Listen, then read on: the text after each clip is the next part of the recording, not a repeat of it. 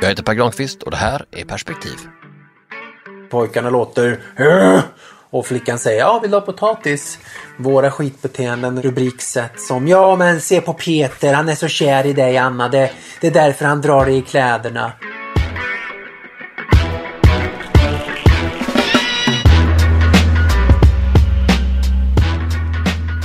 Det måste varit så lätt att vara man för, tänker jag ibland. För ja, då när man var det självklara familjeöverhuvudet som kunde bestämma allt och som inte behövde ta någon massa hänsyn till vad familjen tyckte. Kvinnans roll, ja hon skulle sköta hem och hushåll, och hålla rent och snyggt, uppfostra ungar och se till att de inte störde pappa när han läser tidningen. Pappas tankar var nämligen mer värda än andras tankar.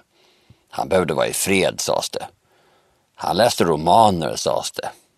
Fast jag, jag visste att han sov. Ibland kan jag önska att jag hade det sådär enkelt, sådär ansvarslöst och jag kan nästan längta efter som man trånar efter en hägring. Ja, det brukar väl framförallt vara i veckor när man inte känner att man räcker till som partner, som pappa, som person. Och räcker till förresten. Hur vet man om man räcker till? Dagens unga killar tycks ju kluvna. På gruppen Ansiktets album Den nya rb mannen från 2003 så tecknas en bild av en ung man som famlar efter fästet till tillvaron. Han är så mån om att vara till lax och står därför ut med kvinnor som i låt efter låt bara är sådär okänsliga, otrevliga och otrogna som tidigare bara unga män fick vara. Det är inte lätt att vara man nu heller när man ska hitta sig själv helt utan handledning. Och det var förstås inte alltid lätt förr att vara man heller. Otydliga gränser kan vara lika stressande som snävt dragna gränser. Det här är frågor jag har funderat över länge och efter metoo har frågan åter aktualiserats. Den där om vad manligheten består i. Och när jag i förra avsnittet pratade med Eva Röse om vad som egentligen ändras efter metoo, då föreslog hon att jag borde ägna ett program åt hur den påverkat mansrollen. Och ja, jag visste ju direkt vem jag ville prata med. Peter Svensson är utbildare om våldsprevention och initiativtagare till föreningen Huskurage tillsammans med kriminologen Nina Rung. Han föreläser om normer, maskulinitet och machokultur och har arbetat med såväl företag, idrottsföreningar och fackföreningar i syfte att förändra machonormer i olika sammanhang. Innan vi drar igång vårt samtal så vill jag be dig tipsa en vän om den här podden. Du bara gör det genom att klicka på dela-knappen i appen. Messa, mejla eller DM den till en kompis, kollega, syskon. För varje avsnitt blir ni allt fler som lyssnar och det är jag förstås väldigt glad för. Har du synpunkter på podden och sånt vi kan göra ännu bättre, ja då ska du mejla till perspektiv pergranqvist.se så lovar jag att svara kvickt. Eftersom jag ibland också pratar lite fort så tar vi det där igen. Perspektiv pergranqvist.se Nu tror jag att du har lärt dig att Per stavas med E och Granqvist med KV. Med det sagt, här är Peter Svensson.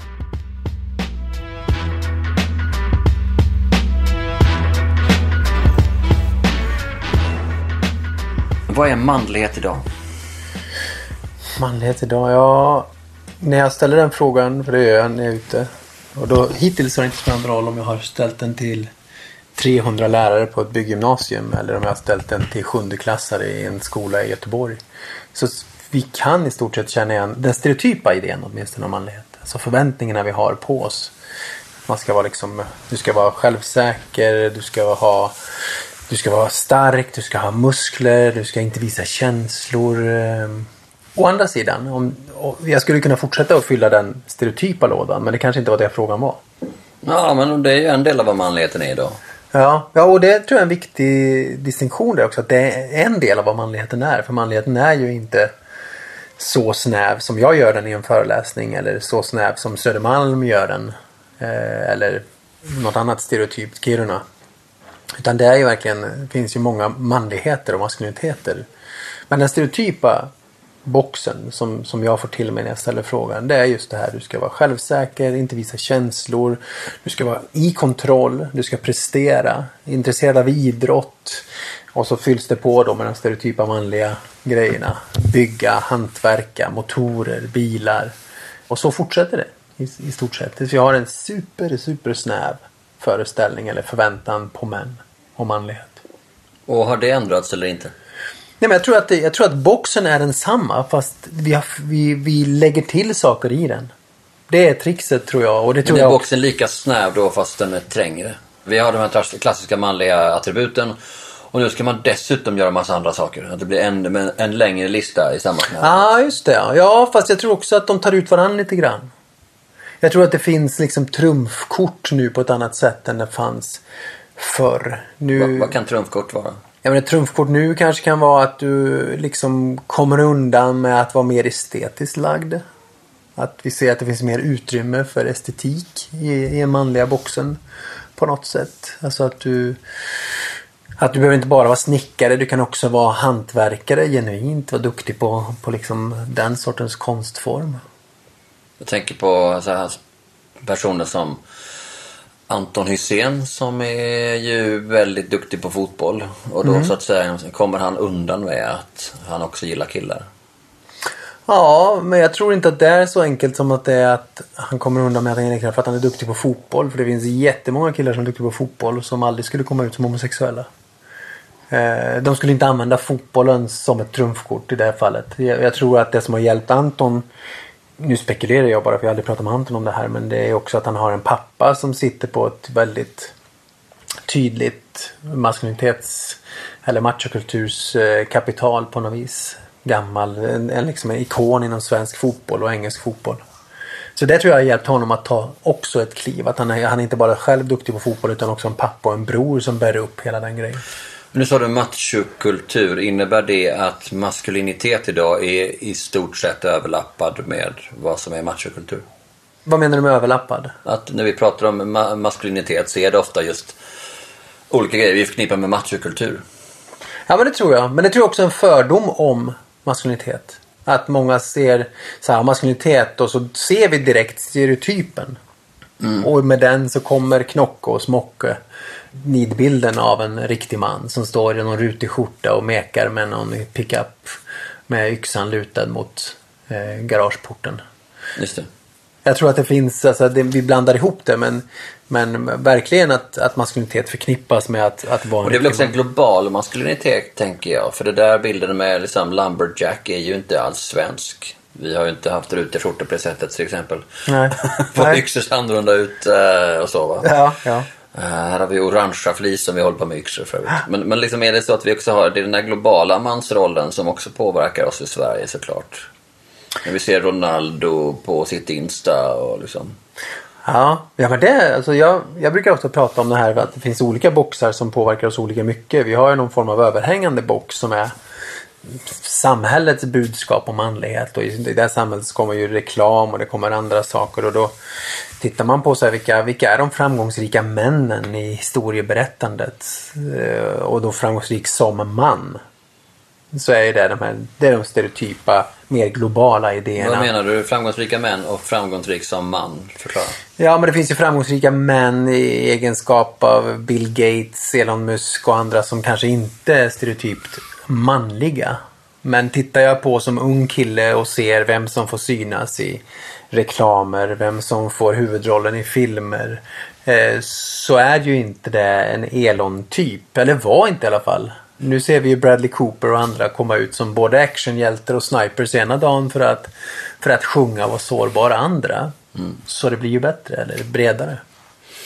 Vad skulle du säga att metoo-rörelsen gjort med mansrollen? Min upplevelse av att ha varit i, i samma rum både före och efter metoo, alltså omklädningsrum och mött idrottsrörelsen eller typ så här bygg och, och mansdominerade yrken. Eh, är ju att vi har samsyn tror jag på ett annat sätt. Alltså att vi är inte lika mycket i motstånd och försvar till så här ja vi har minsann rätt att vara så här. Jag tror att fler har förstått dels sin egen roll att vara den tysta som inte sa ifrån. Dels att vara den som har skrattat med. Dels att vara den som har dragit sexistiska skämt. Påhejad av liksom resten av laget eller bygglaget. Så samsyn om att så här, mäns våld mot kvinnor är ett folkhälsoproblem tror jag vi är överens om på ett annat sätt nu. Men är det så överallt eller är det där är runt Nytorget på Södermalm? Nej men jag skulle nog säga att det är så. Alltså jag du reser ju runt och träffar folk eh, och män, omklädningsrum, byggnadsnissar på ett annat sätt än vad jag gör. Men ja. jag, jag, ser inte alls det. det nej, men jag skulle nog säga att, att vi är överens. Visst finns det så här att jag var på ett gymnasium, liksom Kungsholmen. Där den första frågan i rummet var varför har du en t-shirt som det står girl power på? Och sen var vi igång med 16-åriga män, pojkar som ville berätta för mig om tredje vågens feminism. Eh, det är ett imiterat snack såklart av en förälder eller någon annan de har sett som har pratat om det. Det är ju så att inte deras mamma som har suttit vid köksbordet och rageat över feminism och tredje vågens feminism och hur fel de är. Mm. Eh, men min upplevelse av att ha varit i, ja men egentligen mellan Ystad och Kiruna de senaste åren och pratat om manlighet och mäns våld är att vi sen metoo har fått en förståelse för att okej, okay, det kanske inte är roligt att kommentera Evas röv på lunchrasten när vi sitter och äter. Eller att alltid sexualisera, objektifiera och dra de historier som vi kanske inte skulle ha dragit för min familj men som jag drar för mina kompisar. Jag tänker också en del är som jag ser med metoo. Det är att det tvingade männen att ta ansvar för sin egen roll. Att se den som en just mansroll och inte bara normen. Eller i alla fall börja reflektera över den. Jag tänker på Mia Skäringer är väl den som framförallt pratat om det här med no more fucks to give. Ja. Att kvinnor som tidigare tagit hand om eller tagit ansvar för männens jargong genom att ha tillåtit den och, Mm. och sådär liksom. Slutar ta ansvar för den och börjar ta ansvar för sig själva. Att ta ansvar för sina gränser. eh, Inte bara alltså, stopp min kropp visst men också att som genom att inte längre backa den där andra normen så tar de i alla fall något ansvar. Någonstans att säga liksom att ni får ta hand om er egen skit. Ja, jag håller med om det. Och jag, ansvar är ett sånt spännande ord för jag upplever att även där har det skett en stor förändring. När, vi, när jag pratade om att idrottsrörelsen skulle ta ansvar för den, de skitbeteenden och de normer som finns där som har varit en bidragande orsak till metoo och beteenden som finns där. När jag pratade om ansvar då så ville man gärna säga nej det är inte vårt ansvar. Eh, när jag pratade innan metoo. När jag pratar efter metoo så är det fler som pratar om okej, okay, hur kan vi bidra? Men vi undviker fortfarande att ta ansvar. Förstår du vad jag menar? Att ansvarstagandet blir okej, okay, vad kan vi göra då? Ja, ni kan börja med att inte göra de här sakerna. Och sen... det, är som att, det är som att vi inte kan dela ansvar. Alltså vi, en del skulle säga, okej okay, vi har en del av det här ansvaret. Vi kommer mm. göra en del av det. Det är som att vi tänker att antingen har vi allt ansvar. Ja. Eller inget ansvar. Och då är det ett ganska ojämställt sätt att se på det. Inte bara ur ett genusperspektiv men också generellt sett. Liksom. Är vi i en relation så har vi gemensamt ansvar. Ja. Den klassiska rollen kanske var att liksom, mannen är ansvarig. Mm. Försörjaren. Så att om idrottsrörelsen hade tagit på sig det så, så tror de på något sätt att de bara är ansvar för det. Att de är ensamt ansvariga. Ja men lite så. Men jag tror också att det, att det handlar om det här ansvarsförskjutandet eller icke-ansvarstagandet handlar också om det här kollektiva skuldbeläggandet som vi många, många män verkligen värjer sig ifrån. Hashtag inte alla män. Ja, men verkligen den. Hashtag inte alla män. Jag vet inte, min upplevelse är i alla fall att, att det har blivit att problemformuleringen är en del av problemet. När jag pratar om att män måste ta ansvar så börjar de flesta i rummet skruva på sig och där har jag förlorat kontakten med dem. När jag pratar om så här, fasiket vi kan bidra på så många sätt så frågar de, vadå hur kan vi bidra? När vi pratar om machokultur så säger de, nej men det här är inte machokultur och jag har börjat förstå nu att det, att det är också en del av problemet. När vi pratar om machokultur så känner vi inte igen oss. För för oss har inte våra skitbeteenden i omklädningsrum eller lunchrum handlat om att vara en del av en machokultur. Det handlar om att vara en del av gemenskap. Det är bara så här det är. Det är så vi får kompisar. Det är så vi får tillhörighet. Det är så vi får gemenskap. Så när någon annan vill omdefiniera mitt goda skäl att bete mig som en rövhatt. Som att ah, nej, men du vill vara en del av en machokultur. Så jag säger nej, det vill jag inte. Eftersom intentionen inte var ond eller illa menad så ville man inte heller ta ansvar för att någon kunde blivit sårad av den. Men jag tror verkligen det. Jag tror att det, det är i alla fall min förståelse av varför det har tagit sån tid och funnits sånt motstånd. När jag har varit ute. Att vi börjar, eller jag i mitt fall har ibland börjat föreläsningar med att presentera så här, äh, mäns överrepresentation i brotts och våldsstatistik mot kvinnor och mot män. Redan där så har jag tappat kontakten med de allra, allra flesta. Varför det? För att du gjorde misstaget att tro att det rörde sig om ett informationsproblem? Ja, och För att jag redan där tappar dem när de tror att det är dem jag pratar om. Så när jag säger att 98% av alla misstänkta för sexualbrott är män. Så tänker de, det är inte vi på rad två i alla fall. Exakt, det är inte det. Jag, jag, du drar mig över samma kant som de andra nu. Det är, så får det inte vara. Och så tappar jag kontakten och börjar de titta i en telefon. Jag kan på samma tid ha sagt samma information men innan det sagt att män är 75% av alla som tar livet av sig eller 90% av alla som dör i arbetsrelaterade olyckor, bilolyckor och drunkningsolyckor överrepresenterade i hem, ensamhet och hemlöshet. Då har jag kontakt från början. Mm, intressant. Det är en superstor skillnad för mig i, det, i samma rum.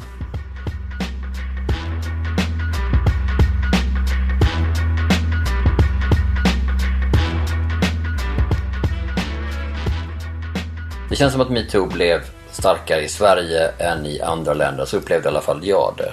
Håller du med om det? Ja, nu har inte jag varit i andra länder men, men eh, efter metoo, jag tänkte säga, det har jag nog faktiskt inte. Men i Sverige så blev det ju verkligen starkt. Och jag tror att det var flera goda skäl till det. Det ena är väl för att vi är ett litet land. Det går snabbt att liksom samla röster. Eh, och det andra är att vi hade väldigt många starka röster som gick ut tidigt och började berätta och förmedla andras historier. Men kvinnor? Kvinnor, ja. Ja, verkligen kvinnor. Eh... För jag har haft någon teori om det att det skulle handla om att vi trodde att vi var bra i Sverige. Och så var vi inte alls så där bra. Och mm. att vi blev liksom häpna över att vår självbild som nation var fel. Och därför så reagerade vi starkare. Jag håller med om det. Och jag, tror, jag tror... Man tänker i Frankrike så tänker alla, alla vet ju hur franska män är bla bla bla. Oh, ja. ja, vi drar dem över en kam nu, jag fattar det. Men att de sen, man kom metoo, ja det var väl väntat på ett annat sätt än det var kanske oväntat att metoo skulle bli något i Sverige. Ja, det var det nog. Samtidigt som jag tror att det var stating the obvious som blev nyckeln. När folk började peka ut beteenden som vi alla kände igen som beteenden som då ryms under metoo. Så var det svårt att inte hålla med. Vi har liksom sett löpsedlar om kända skådespelare, programledare, musiker, företagsledare under många år. Men det har liksom ändå alltid gått under någon form av radar. För att också samma personer fortsätter få programledarjobb, skådespelaruppdrag, eh, gå till nästa företag. Så på ett sätt så när metoo då kom sa, sa att det här var fel så tror jag att det är många av oss som känner ja det är fel men vi har ju också alltid sett de här beteendena uppmuntrats. Är det så att det var bra eller dåligt att hänga ut enskilda män? Alltså, jag vet inte. Ut, utifrån... Jag tänker så här att vi, vi såg de här männen tidigare. Vi, vi, vi, kände till det eller vi har till och med sett det på löpsedlarna eller beroende på var man är någonstans såklart. Vi visste om dem i vår egen bransch oavsett mm. bransch som betedde sig här och ändå fick de liksom fortsätta. Mm. Att det var ett sätt att, att verifiera dem. Och även om det var liksom synd för den enskilda personen som kanske eh, det här blev en knäck för hans karriär. Mm. Så i någon global rättvisa var det bra för att någon fick säga man kan tydligen inte bete sig hur som helst. Och han hade ju också knäckt andras karriär längs vägen kanske. Ja, jag tror att det var det. Tittar man på vilken form av systerlig gemenskap det byggde. Att fler kunde vittna om upplevelser av samma man eller män. Så tror jag att det var helt avgörande att man gick ut med namn att det verkligen bidrog till så här när den här mannen då som var utpekad eller männen kunde säga nej men det där var överdrivet. Så sa nästa röst men vet du vad jag har samma upplevelse av dig fast en ännu värre. Det, det liksom tog udden av det försvar som alltid har varit. Det var bara en gång. Ja. Jag var full, jag har inte kommit ihåg det. Liksom. Ja. Men hur jävla många gånger har du varit full och inte kommit ihåg grejer och samtidigt förgripit dig? Ja precis och hur kan du ha varit så full så många gånger och, och förgripit dig och ändå hävda att det inte har hänt. Med sån tvärsäkerhet. Mm. Att du inte har en mer ödmjuk approach till dina skitbeteenden historiskt sett. Om du var drogpåverkad, alkoholpåverkad eller eh, hade någon grandios självbild bara. Hur kommer det sig att du inte kommer med en annan approach som är så här, vet du vad? jag har varit full och drogad under många år i mitt liv. De misstag och övergrepp jag har gjort under den tiden önskar jag var ogjorda. Men så är inte fallet. Jag tänker också att det, en annan sak som, som kännetecknade metoo eh, här i Sverige var just att det inte var någon som bad om ursäkt riktigt. Vi såg inga män som det där du precis sa om den tänkta beskrivningen av en, av en man som har gjort det här, gjort olika typer av övergrepp många gånger och inte reflekterat över det. Skulle kunna gjort en ursäkt. Skulle kunna sagt det ena eller det andra. Någon sa väl att det var en period i mitt liv jag inte var stolt över och så vidare men det har inte varit någon riktig ursäkt. Det har inte varit den där amerikanska jag är jätteledsen, nu tänker på min familj, jag går in i rehab, jag ska göra det här, mm. jag ska säga så. Den har vi inte alls sett här. Nej, Nej det har vi inte. Och jag pratade med en, en, en vän inom, som, som är skådespelare om det här och, och, och han var också, uttryckte verkligen så här, det är så märkligt att att skulden som många av oss känner för att vi har fort, eller låtit det här fortgå gör att vi heller inte kan gå ut och varken stötta mer högljutt eller säga förlåt. Jag tror att det också finns en del av det här som är att vi känner nog många av oss att vi bär skuld. Jag har suttit med i de där omklädningsrummen. Jag har stått, stått i de där grabbgängen. Men varför frågar, varför frågar inte vi oss då? Hur i helvete kunde jag låta det ske? Varför har vi inte haft en mer högljudd debatt eller diskussion bättre om det? Nej, men jag tror att det är så enkelt som att det har varit en del av hur vi har fått vänner, hur vi har fått status, hur vi har fått makt, hur vi har fått knulla, hur vi har fått gemenskap, tillhörighet. Alltså så här, grundläggande mänskliga behov tillgodosedda har ju varit på någon annans bekostnad. Alltså i synnerhet om man tittar på det utifrån så här manligt perspektiv att uppfostras till kille eller till först till kille och sen till man. Så har ju hela det communityt som jag har varit med i alla, i alla tider byggt på att ta avstånd från femininitet, att ta avstånd från homosexualitet. Och även om inte jag har varit i de liksom mest högljutt homofoba eh, miljöerna någonsin så har jag alltid varit i de mest heteronormativa och mest sexistiska miljöerna. Så det är den gamla mansnormen som på något sätt hindrar en ny mansnorm från att tränga fram? Ja, men jag tror det. Och jag tror också i och för sig att allt det där håller på att förändras. Att unga som växer upp idag, i alla fall min upplevelse när jag varit ute i skolor och så. De, de är mer toleranta. De, de är, det är inte så hon och hannigt. Det är inte så snävt som att jag som pojke och man måste vara på ett visst sätt. Eh, de som är i störst riskzon nu det är typ unga killar som går in i idrottsrörelsen.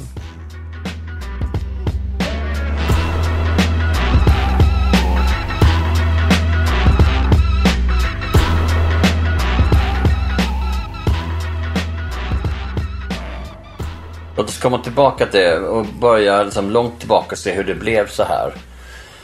En gång i tiden kan man väl säga att män var män och kvinnor kvinnor och vanligt folk levde ju sida vid sida. Visst fanns det så att arbetet delades upp ehm, efter fysisk styrka. Som kvinnor födde barnen så tog de också hand om dem mer, i alla fall mer än männen som ju skötte åkrarna och tog hand om dem lite mer. Och man kan titta det här gamla Sverige, gamla Europa generellt sett på att det finns massor med intressanta kopplingar i manligt och kvinnligt som ändå inte är lika tydliga som idag. Men hästar till exempel var en manlig domän eftersom de var dragdjur. Kor gav livgivande mjölk och ost och därför var de då kvinnligare djur. Men det var inte ändå så fullt så ojämställt idag eftersom man ju det förutsatte ju att man som par samarbetade. Ja, då klarade man det bättre. Det visste liksom alla. Och sen kom 1700-talet och det här är nya århundradet för nya idéer och det är nu upplysningsidéer föds. och kommer ju också en annan syn på kvinnor och män ja, i alla fall de höga kretsarna kanske man ska säga här. Det här är ju liksom ofta, man studerar bakåt, det är ofta som de högre ståndskretsar man tittar på. Men och, jag går igång på det här för jag har precis läst en bok som är som är tunn och fascinerande som heter om hur manligheten skapas. Som heter Fashioning Masculinity, National Identity and Language in the 18th Century av Michelle Cohen. Jag lägger en länk i, i beskrivningen. Det är liksom ett, en bok med ett trist inslag med fantastiskt innehåll. För den handlar om hur franska gentlemän förväntas lära sig sociala förmågor genom att konversera med kvinnor i salongerna. Och där var tanken att män skulle bli mer raffinerade och delikata i sitt sätt att uttrycka sig och så skulle de också få ett bättre språk. Bara helt enkelt i sina försök att prata med kvinnor på något nytt sätt. Och här gäller då, det här var i Frankrike och sen tar det steget över kanalen till de brittiska gentlemännen och även till de svenska adelsmännen som också hämtade massor med influenser från den delen. Vi var ju rejält frankofila då på den här tiden. Hur som helst, så småningom är man rädd för den franska kulturen eftersom den förknippas med för förförelse och begär. Då börjar man oroa sig för hur det här ska påverka maskuliniteten hos männen. Skulle de bli veka? Liksom här pratar man och då pratar man dessutom ofta franska överklassen. Och veket är inte bra för en riddare, det är inte bra för en adelsman och det är särskilt inte bra för någon som behövs för att kunna expandera det brittiska imperiet. Och plötsligt det här så oroar man sig också för hur pojkarna som springer i, i mammas kjolar eh, liksom, håller henne i handen, hur påverkar det dem? Liksom? Uh, och det är ju, morsgris är ju liksom aldrig något som är bra, bra att bli beskylld för, men det kommer någonstans här då. Liksom. Men samtidigt var ju inte saken helt enkelt, för det fanns ju också då en så här läste i boken om det här, man ska ju som gentleman åka på Le Grand Tour av Europa. Va? Man ska se, man åker till Pompeji, man åker till Florens, man åker till som olika ställen och kollar. Och det där har ju varit bra för att man ska komma hem belevad. Men plötsligt blir man då orolig för att man kanske bara gör det här som en krusidull. Man kanske får med sig med de här salongerna från Europa. Utan då ska man, tänker man inte lärt sig något, man bara typ instagrammar. Du förstår ju vad det här mm. handlar om. Det är precis, precis samma liksom grej. Uh, nej, men så då är det så här, nej han ska ju trots allt ha ansvaret. Alltså man måste ju göra mannen introspektiv och djup och tänkande. Så kvinnans mjukhet blir ju hennes vekhet, det ska bekämpas. Och det är alltså där någonstans som självdisciplin, styrka, genomtänkta åsikter. Så genomtänkt att man aldrig någonsin behöver ta tillbaka dem. Det blir då ett adelsmärke. Och det är också för övrigt då mm. som franskan blir feminin. För franskan är sydliga formuleringar och man kan uttrycka sig omständigt. Så att man vänder sig bort från det och istället tycker man om tyskan som är det nya då manliga språket. Här har vi då Preussens militära framgångar som ju byggde på disciplin, sammanhållning och kraft. Man skriker kort ord till varandra och därmed håller man käften. Och typ där stelnar liksom mansrollen 200 år senare. Liksom. Det är inte från 70-talet det börjar liksom hända någonting. Det är ju vi är ungefär lika gamla, alltså det är typ våra pappor. Och, ja. och inte i alla fall om inte våra pappor så någon som våra pappor kan skratta åt. För det är där Hoa Hoa Dahlgren och 70-talister. 70-talets pappor liksom. Jag tänker även om det kommit pappareformer och föräldraledighet så har vi ju, och vi blivit världsberömda för lattepappor och allt sånt där. Så har ju inte mansrollen alls utvecklats som kvinnorollen försökt utveckla sig. Kvinnor har i alla fall försökt göra något annorlunda. Jag fattar det för att vi är norrmän och vi behöver inte men det är ändå mm. intressant liksom. Men nu sen 70-talet och framåt, vad, är, vad händer liksom? Vad, vad, vad har pågått i diskussionen om mansrollen? Det, det, första jag kommer att tänka på som jag minns som någon form av så här, det var den här metrosexuella mannen som dök upp. Om det var David Beckham och andra som liksom stod för den. Peter Sipen var väl någon form av eh, exempel som användes i Sverige. Eh, Fredrik Ljungberg kallades för primadonna i landslaget för att han var... Vi hade Fab Five på TV. Ja, exakt. Vi hade det. det. Det var väl någonting som hände som är väl så, det jag kan komma på är så här. Det tweakade manligheten någonstans i våra omklädningsrum. Eh, nu spelade jag fotboll då på 90-talet som jag och i division 5 och 4 och sånt där. Eh, men där var det ju ett skällsord att vara som David Beckham. Att man, han, han var ju för fåfäng. Nu är jag också uppvuxen i, liksom, i en bruksort och det, liksom de värmländska skogarna från norr till söder som vi har spelat Där var det ingen som hade bling i örat? Nej, och vi som hade det, för jag var ju en av de som hade det, vi, vi fick ju också kompensera för det. Jag var ju liksom en av de starkaste i rummet för att jag såg till att liksom bygga på mig muskler och sånt. Men jag var också en av dem som Samtidigt som jag då gjorde allt för att få den här lagkaptensbindeln som fotbollsspelare. Eh, också tog mig friheten eller hade råd att ha långt färgat hår, någon form av smycken, eh, höll på lite med revy och teater. Men jag hade aldrig kunnat gjort det i min miljö som var eh, bruksort i Värmland om jag inte också hade gjort 120 i bänkpress, sprungit milen på 40 och tacklat hårdast och sprungit mest av alla på en fotbollsplan. För jag tänker, är det en ny eh, manlighet där? Eller, för, jag, för jag tänker på metrosexualiteten som ett sätt att vara icke-manlig. Eh, om man jämför med hela den här 200 år innan då. Men den definierar inte den nya mannen. Den definierar att jag är någonting annat än det gamla. Men inte någonting nytt liksom. Jag tar 120 bränkpress och jag har långt färgat hår. Men det är inte, jag har långt färgat hår, jag är lika manlig som du. Nej, jag håller med dig om det. Alltså återigen så tror jag att det är de som har råd att avvika från mansnormen. Det är de som har nog gott ställt, nog bra våldskapacitet, nog bra framgångsrik. Jag läste, jag hörde någon intervju hos Oprah Winfrey med mm, en av de här superframgångsrika, den bästa NFL-spelaren genom tiderna. Tom Brady heter han. Han har väl fem NFL-ringar. Och han pratar då om den här, om sin andlighet. Och frågan är om Tom Brady hade gjort det tio år bakåt i sin karriär. Med samma övertygelse. För jag menar att jag, jag tror att många som törs avvika från mansnormen har redan har redan ska, ja, skapat sig eller fått det utrymmet genom att vara framgångsrik. Eller ha muskelstyrka. Eller ha ett lite så här fuck off kapital.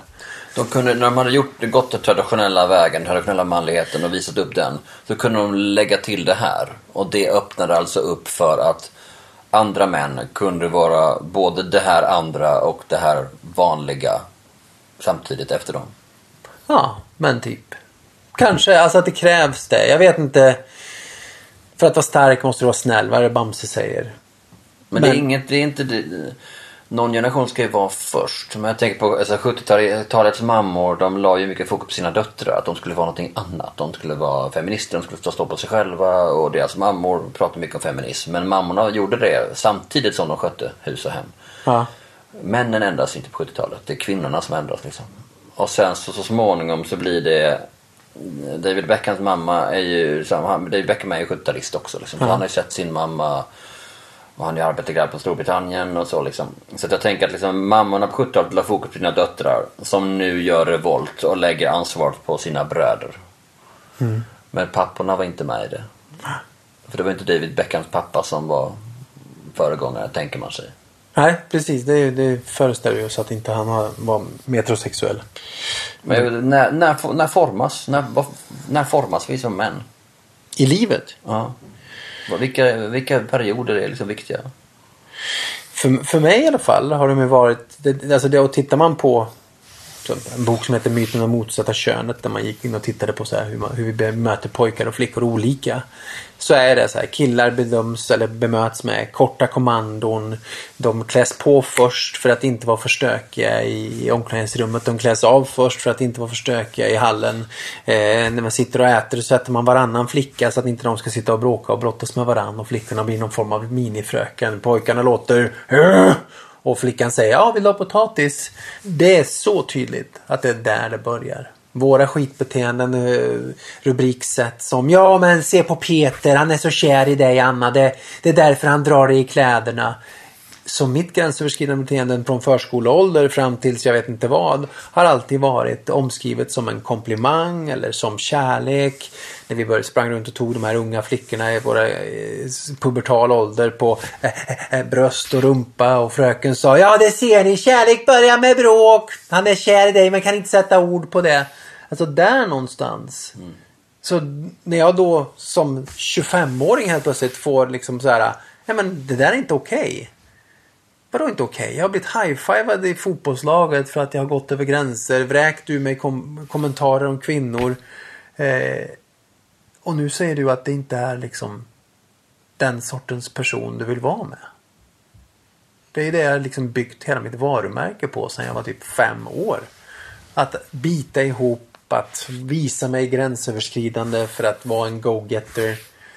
Det är där det beteendet föds som sen blir den här omklädningsrumsjargongen du pratar om. Ja, alltså mig veterligen så ser det likadant ut överallt. Alltså sårbarhet är inte en valuta för pojkar och män.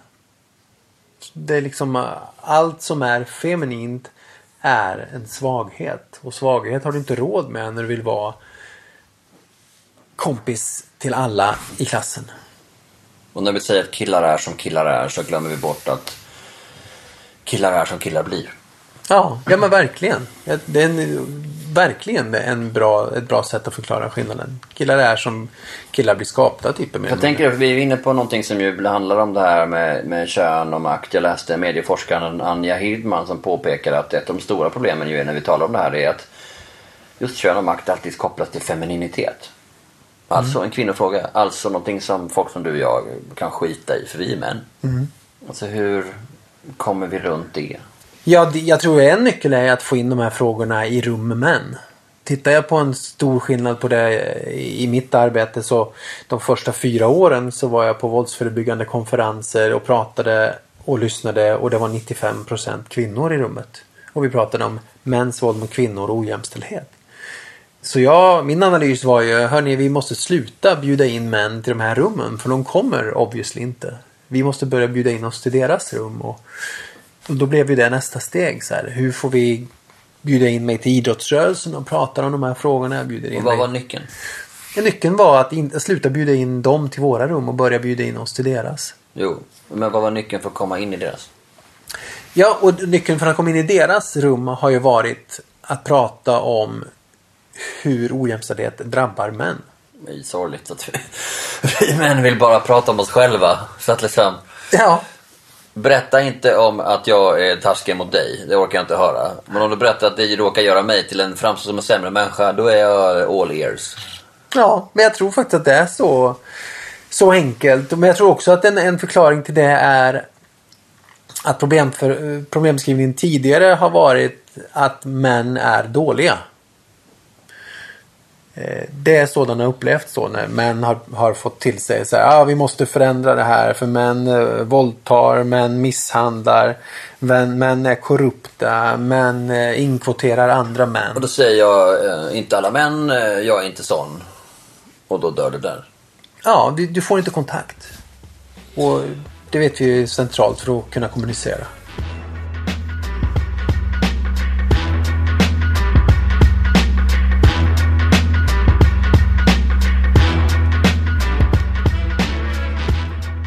Tänker också det här med att prata om dagens manlighet och prata känslor. Nu sitter vi här, två polare, och snackar känslor i en podd. Eh, Så att det här har poddandet bidragit till att vi kan prata mer om känslor? För det saknas ju inte ett utbud på just den här typen av två killar snackar känslor poddar. Ja, sen kan inte jag komma på poddar där två män just... Eller är det bara två killar som snackar? Ja, jag tror det, det är väl det som har hänt ändå. Två killar som snackar. Eh, Ja, men de uttrycker ju ofta de här ni kan alla själva räkna ut vilka de stora populära poddarna är. där Två killar sitter och snackar och så pratar man om att jag råkade för det här och det kändes si och det kändes så här och jag uppfattar mig si. Alltså, den moderna mannen förväntas ju visa sig svag. Och ibland kan jag känna att jag liksom blir... Eh, jag tycker det, det är liksom det är problematik, jag kan inte sätta ord på det men det, det är någonting jag. Jag förväntar mig visa mig svag. Det är ett nytt sätt att visa sig stark. Så stannar Just det där. Ja, men om det är sant då skulle det inte också kunna vara sant att du måste först vara svag. Eller tvärtom, du måste först vara stark för att få visa dig svag. Att det är ingen som börjar i andra änden. Är Nej, min upplevelse. Utan du har kommit till ett hyfsat fuck off kapital med en karriär, med pengar, med, med liksom ditt varumärke är ändå ditt varumärke och då kan du börja säga, men vet ni vad, det har inte alltid varit lätt. Just det, och så visar man sig lite sårbarhet. Lite, man, man lär sig att visa upp en sårbarhet men man kanske inte förstår hur man är sårbar. Ja, men precis. Jag, jag har en liten spaning som är att vi som vi kan prata om känslor men det är inte samma sak som att känna känslor. Vad, blir, vad är skillnaden menar du? Ja, skillnaden blir att jag kan berätta, jag kan säga så här, nej men jag blev så himla ledsen när jag hörde att någon hade sagt det här eller någon hade gjort det där. Då kan jag säga att jag blev ledsen. Men om det också betyder att jag genuint blev ledsen och sårad och kände allt det där som jag då har lärt mig omförhandla att känna sen jag var fem. Det är en helt annan sak. Och dessutom om du, eh, är det en annan sak om du sa det i den stunden eller inte. Då hade du kanske kunnat lösa någonting istället för att berätta om det här efteråt Ja men verkligen. i en podd. Ja. Det- Alltså, jag, jag, jag, det är någonting här, att det här med att visa upp sin svaghet som man. Jag tycker det är jättefint och jag tycker det är jättefånigt samtidigt. Jag kanske det... Så här, alltså det, det är någonting med att, att jag har läst det flera män i offentligheten som har upptäckt att deras tjejer har lämnat dem. Mm. Det är så man måste beskriva det för det är så de beskriver det själva. Mm. Hon är inte där. Som en blixt från klar himmel. Och sen har de gjort det som en, till en grej att, att våga skriva om den här sorgen efter uppbrottet. De har gjort det på ett jättefint sätt och de har varit väldigt verbala. De har känts hudlösa i sin beskrivelse av att man är ensam och det känns som att någon har dött etc. Liksom. Men å andra sidan så saknar jag självreflektionen. Ja. Alltså det är någonstans där tror jag liksom, ja, jag kände så här och nu känner jag sig så. Men jag har saknat det här. Jag har inte haft ihop med någon jättelänge. Plötsligt så drar hon. Kan det ha någon pytteliten bit med mig att göra? Mm. Har jag gjort något fel? Har jag haft det här, betett mig som ett arsle? Vad är liksom den typen av reflektion? Man, man är, man, den nya manligheten klär sig gärna i en slags offerkofta. Uh, där man, en sårbar, välsittande, jättesnygg kofta. Men, men, men det kanske blir liksom en projektion. Ja, och det är fortfarande en kofta. Du är inte särskilt naken i den. Eh, och det är kanske är det som saknas. Alltså att jag är sårbar i det sårbara ögonblicket. Lite eh, om jag hör dig rätt. Så här, eh, hur, hur långt... Och jag kan ju säga att ett trix är ju tror jag att, att komma dit. Att levla i sårbarhet som liksom inåt i sårbarhet. Är ju att börja prata om det utåt. Det tror jag då är något någonstans här att skriva om det. Om det så är i bloggbok eller Instagramform eller att börja sätta ord på det vi inte förmådde oss känna eller kunna göra i stunden. Men göra det liksom med perspektiv i, en, i någon form av podd eller annat forum. Är ju, då har man ändå sänkt tröskeln för att också kunna sätta ord på det sen. För mig har det varit så. För mig har det genuint varit så att och är fortfarande att jag börjar prata om när jag misslyckas hjälper mig att misslyckas färre gånger. Förstår du vad jag menar då? Jag förstår vad du säger men jag förstår inte riktigt hur det hänger ihop. Förutom då om vi pratar om olika saker kanske men om jag hörde dig rätt så menar du att så här, vart är självreflektionen? Vart är, vart är vi i stunden när vi sen börjar prata om hur sårbara och ledsna vi är i någon form av podd eller annat forum? Mm. Ehm, en del av oförmågan vi har av att vi har fostrats till att bli pojkar och män genom att omförhandla känslor sedan vi var typ fem. Bita ihop, inte visa oss svaga och sårbara. Det långa omförhandlandet kräver också nästan en lika lång väg med det omvända omförhandlandet. Så att jag, jag ska inte hacka på dem som trots allt beskriver sin sorg eller som jag kan eh, till och med känna, jag har något slags drag av att vara posörer. Jag ska, inte, jag ska vara generös mot dem och säga att det där är det. det allas första steg ser olika ut. De har tagit ett steg i alla fall. Ja, och, så jag kan ju också vara kritisk till den sortens eh, poserande om det nu är det. Men jag tror att det är viktigt att skilja på, på den intentionen. Att styla med sin sårbarhet och på att faktiskt försöka få ut den för att själv kunna känna den. Mm. När man jämför kvinnor och mäns eh, förmåga att vårda relationer och hur ensamma man är, då finns det en tydlig skillnad mellan könen. Vad beror det på? Varför är vi män ensammare och sämre på det? Fast jag vet inte om det är sant. Du, jag, sa, du sa det innan. Ja, eh, men så här. Jag, min sambo och jag pratar mycket om det här. Nina och jag pratar mycket om det här. Och jag hör även andra stora feministiska kvinnor främst som pratar om hur dåliga män är på att ha relationer. Och det jag vill ifrågasätta med det är vi måste fortfarande då prata om samma sorts relationer. För det kan vara så att någon har en idé om att män inte har lika nära relationer som kvinnor. För att vi inte pratar i en timme i sträck med någon till exempel. Precis. Och, och det kan vara sant. Men om någon skulle fråga mig Har du många nära vänner? Så skulle jag säga ja, jag har jättemånga nära vänner. Utifrån min definition av en nära vän. Och det tror jag gäller för väldigt, väldigt många snubbar och män. Att vi känner inte igen oss i beskrivningen av att ni snubbar har inga nära relationer. Det är så här, va? Jag har jättemånga nära kompisar. Sen när någon börjar, börja dissekera den idén. Okej, så vad pratar ni om då? Vad menar du? Vi pratar om allt möjligt. Vi bastar ihop, vi tränar ihop, vi kollar på bio och fotboll eller vad man nu gör ihop med sina polare. Eh, alltså, jättenära vän. Okej, men hur är ni nära? Och så när den dissekeras, när någon säger så här. Klär av den vänskapen. Och jämför den med någon annan som aldrig heller har varit min strävan. Så blir det på ett sätt orättvist. Förstår du vad jag menar? Just det. Och det tror jag att så här, vi måste börja förhålla oss till inte en bild av vänskap som är en kvinnas defini- definition av en nära vänskap. För här är plötsligt ett område där den kvinnliga relationen är eh, normen. Precis, den nära vänskapen är en kvinnas definition. Det här är också definitionen som går tillbaka till 1700-talet. Det där med att liksom man ska lära sig konversera med, man konverserar med en kvinna. För där pratas det uppenbarligen. Det är det som är normen. Just det. Och då ska män leva upp till den. Och den har, det, vi dras med det fortfarande uppenbarligen. Ja, men jag tror det lite grann. Och inte för att säga att inte det är rätt. Att vi borde ha nä mer nära relationer. Jag kan verkligen se så här, ja, jag borde såklart prata ännu mer på djupet om vad jag känner. Men eftersom det i sig inte är en norm i mitt liv att prata om vad jag känner och aldrig har varit. För det är inte det som har gett mig från vänner. Värmland. Men, ja men verkligen. Eller något annat kompisgäng heller. Det blir, det blir jobbigt när någon börjar säga så här. Om- en kille i ett omklädningsrum jag har delat med andra killar skulle börja sätta sig och gråta och berätta att hans partner har lämnat honom. Alltså, jag, jag, jag, jag kan inte ens föreställa mig det hända. Nej.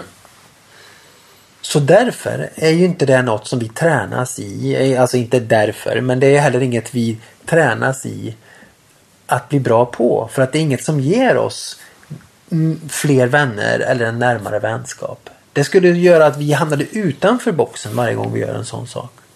Just det. Ja, olika relationer styrs ju av den sociala koden som finns i det sammanhanget. En relation man kan ha med någon vän kan ju den personen uppfattas som ytlig medan du uppfattas som nära. Eftersom du utgår alltid från den här individen.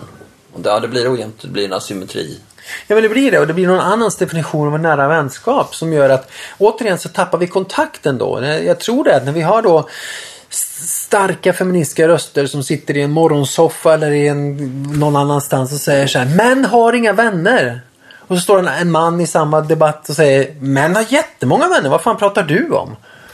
Och männen känner igen sig i hans beskrivning, inte hennes. Men om hon, lite som med machokultur, om den här kvinnan då som det ofta är skulle säga Okej, men så i din vänskapsrelation pratar ni om de här grejerna? Bam, bam, bam, bam. Så skulle han säga nej. Just det, och det är det jag menar när jag pratar om nära vänskap. Lite som när vi pratar om machokultur. När vi säger machokultur lite slarvigt så känner inte män igen sig i machokultur. Men om vi skulle börja definiera beteenden vi menar när vi pratar om machokultur så skulle typ alla räcka upp handen. Det är viktigt att vara specifik. Jag tror det.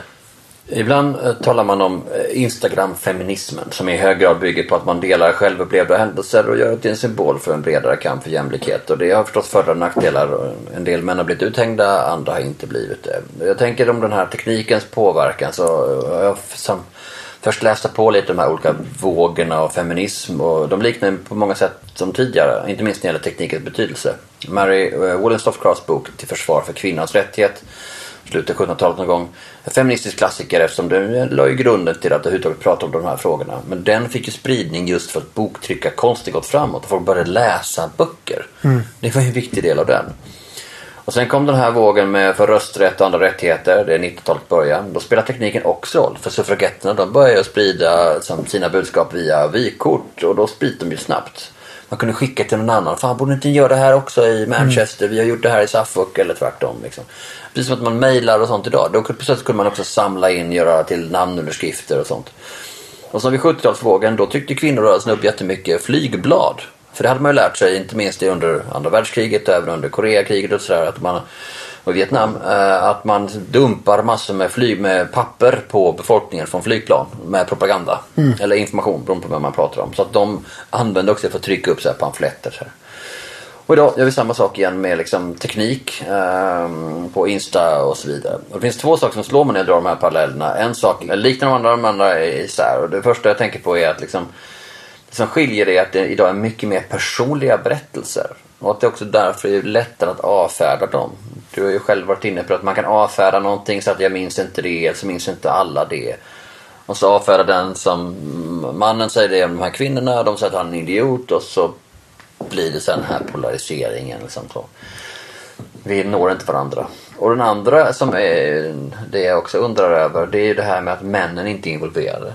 Män Mm. har aldrig varit involverade i någon feministisk våg. Med några undantag. Mm. Hashtag inte alla män. Men kvinnokampen har alltid varit kvinnornas kamp. Så varför skulle det bli annorlunda den här gången? Alltså jag vet faktiskt inte vad det är som kommer göra att det blir annorlunda. Men dels tror jag att det är för att generationen bakom oss inte är lika stereotyp. Jag får för mig För att... männen eller för kvinnorna? Eller För alla tror jag. För alla. Man såg trots allt Hoa Hoa Dahlgren. Ja. Ja men jag tror, alltså jag tror det. Men återigen, då är generationen bakom oss. Alltså 10 år. Eller vad pratar man om då för generation? Mm, 15? 10, 20, något sånt. Ja.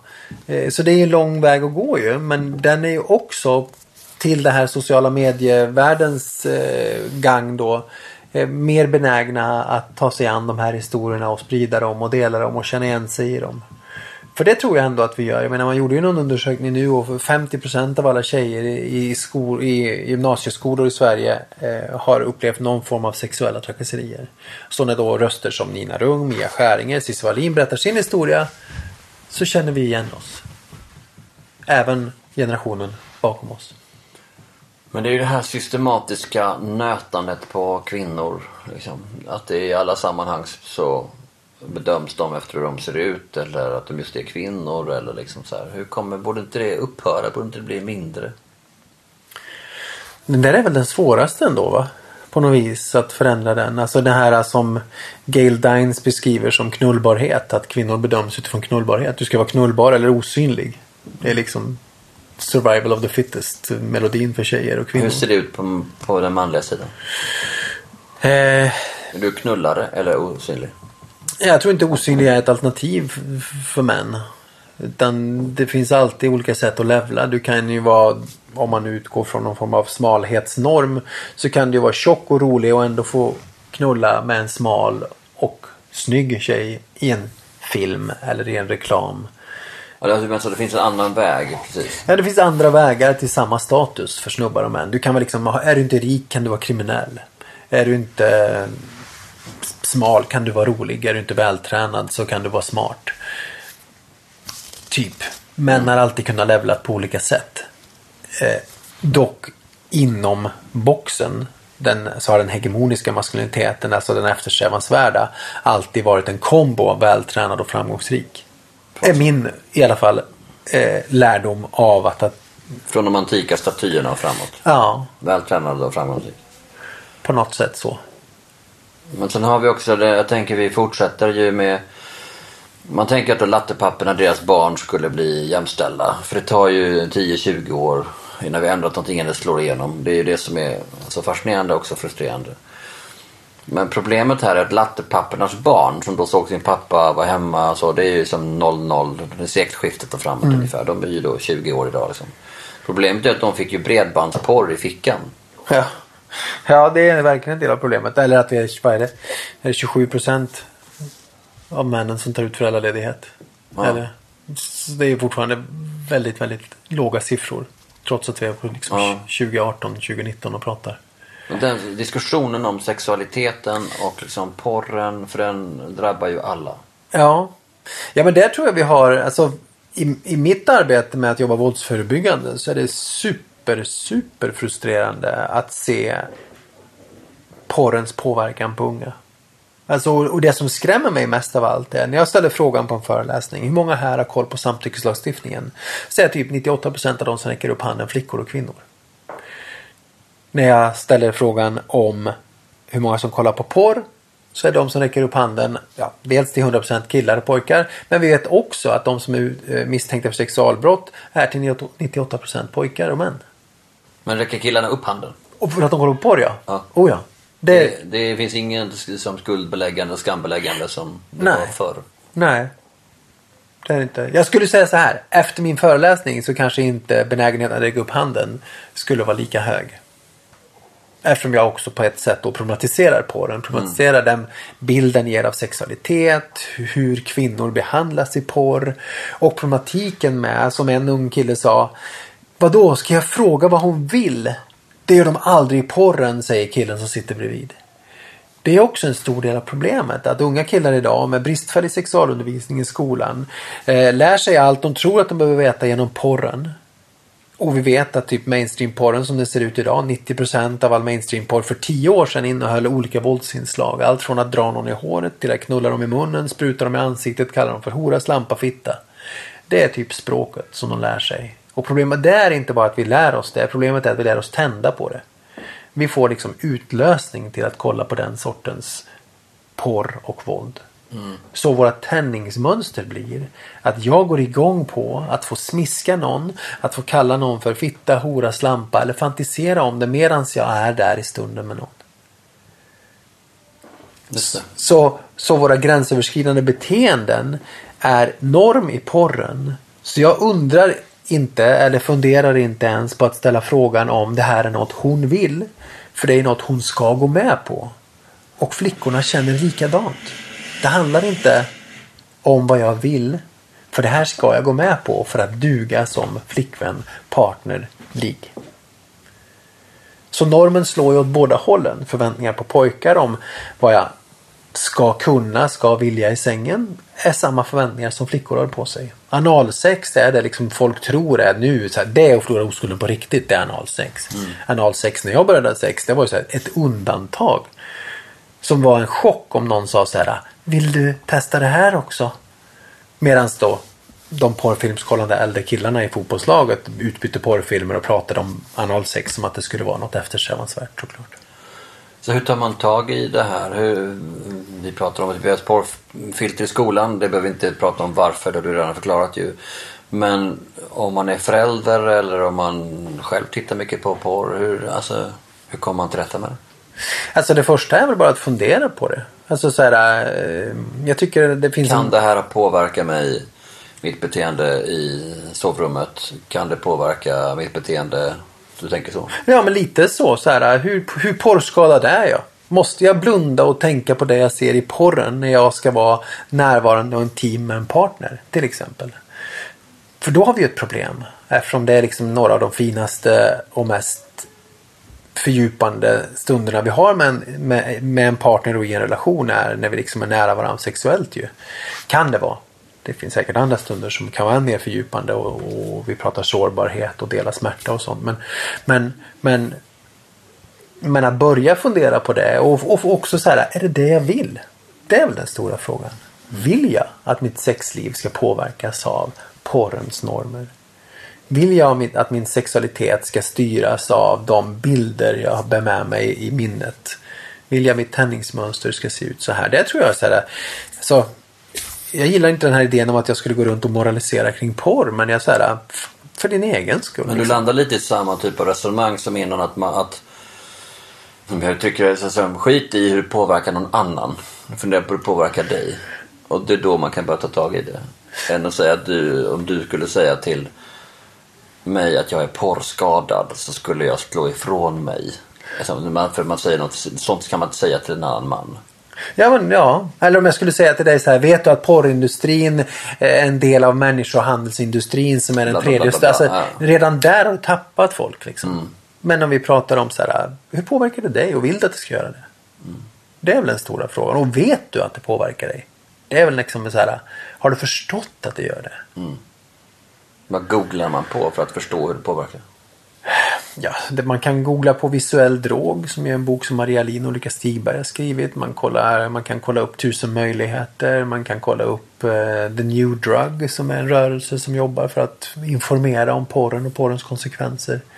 Ehm, det är väl liksom bra exempel på tu, ja, tusen möjligheter och ett jättefint arbete där man tittar på sådana saker och, och, och hjälper unga att komma ur porrberoende. För det är det det handlar om för många beroende.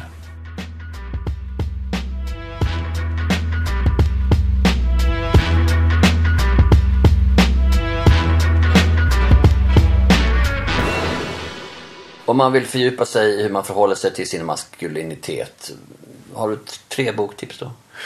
Ja, tre böcker som åtminstone bidrog till att jag fick någon form av uppvaknande och de är inte särskilt svåra att läsa heller. Den ena är Stefan Mendelänks bok med uppenbar känsla för stil.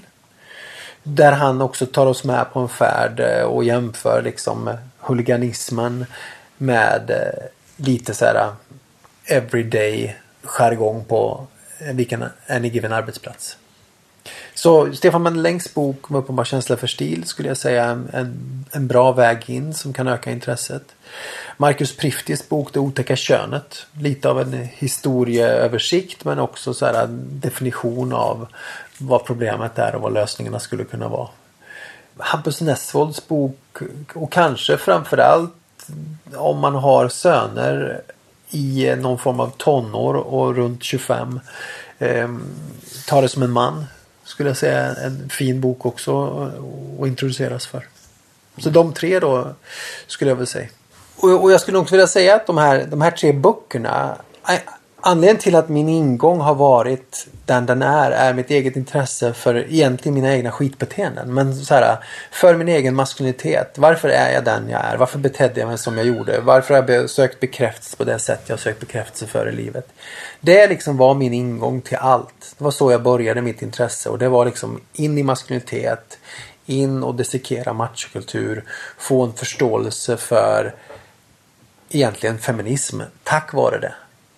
Jag har inte gjort den omvända resan att som feminist börja intressera mig för maskulinitet. Utan jag var verkligen från början en snubbig snubbe som intresserade mig för maskulinitet. Peter Svensson, tack så mycket. Ja, tack. Mm, det var mycket i det där samtalet som jag tyckte var bra och ville komma ihåg. Men det som särskilt slog an en sträng hos mig det var nog det här att han poängterade att mäns vänskapsrelationer inte är sämre eller bättre än kvinnors, bara annorlunda. Den där vill jag försöka minnas. Men det är klart, det gäller förstås inte bara mellan könen. Alla relationer är speciella och det är svårt att jämföra olika sorters relationer med varandra. Metoo har ju drivit fram en diskussion om manlighetsnormer och maskulina beteenden och vi har börjat prata om vilka av vi tycker är okej och vilka vi inte tycker är okej. Tystnadskulturen kring vad män utsatt kvinnor för tidigare som om det vore helt naturligt. Ja, den där tystnadskulturen är tack och lov bruten. Vill du höra om hur metoo förändrar kvinnors sätt att agera? Jag tycker du ska lyssna på avsnittet jag pratade om det här med Eva Röse. Du hittar det i den här poddens eh, flöde i din poddapp. Scrolla bakåt bara eller neråt eller vad det nu ser ut i din app. Men det ligger där, något avsnitt bakåt bara. Passa gärna på att sätta betyg på podden när du är inne i appen och pillar. Eh, det hjälper ännu fler att upptäcka den. Då är det dags att sätta punkt och jag ska berätta att producent för Perspektiv är Gabriella Lahti, att jag heter Per Granqvist och att podden görs av www.media för vad vi vet.se. Tack för att du lyssnat. Vi hörs!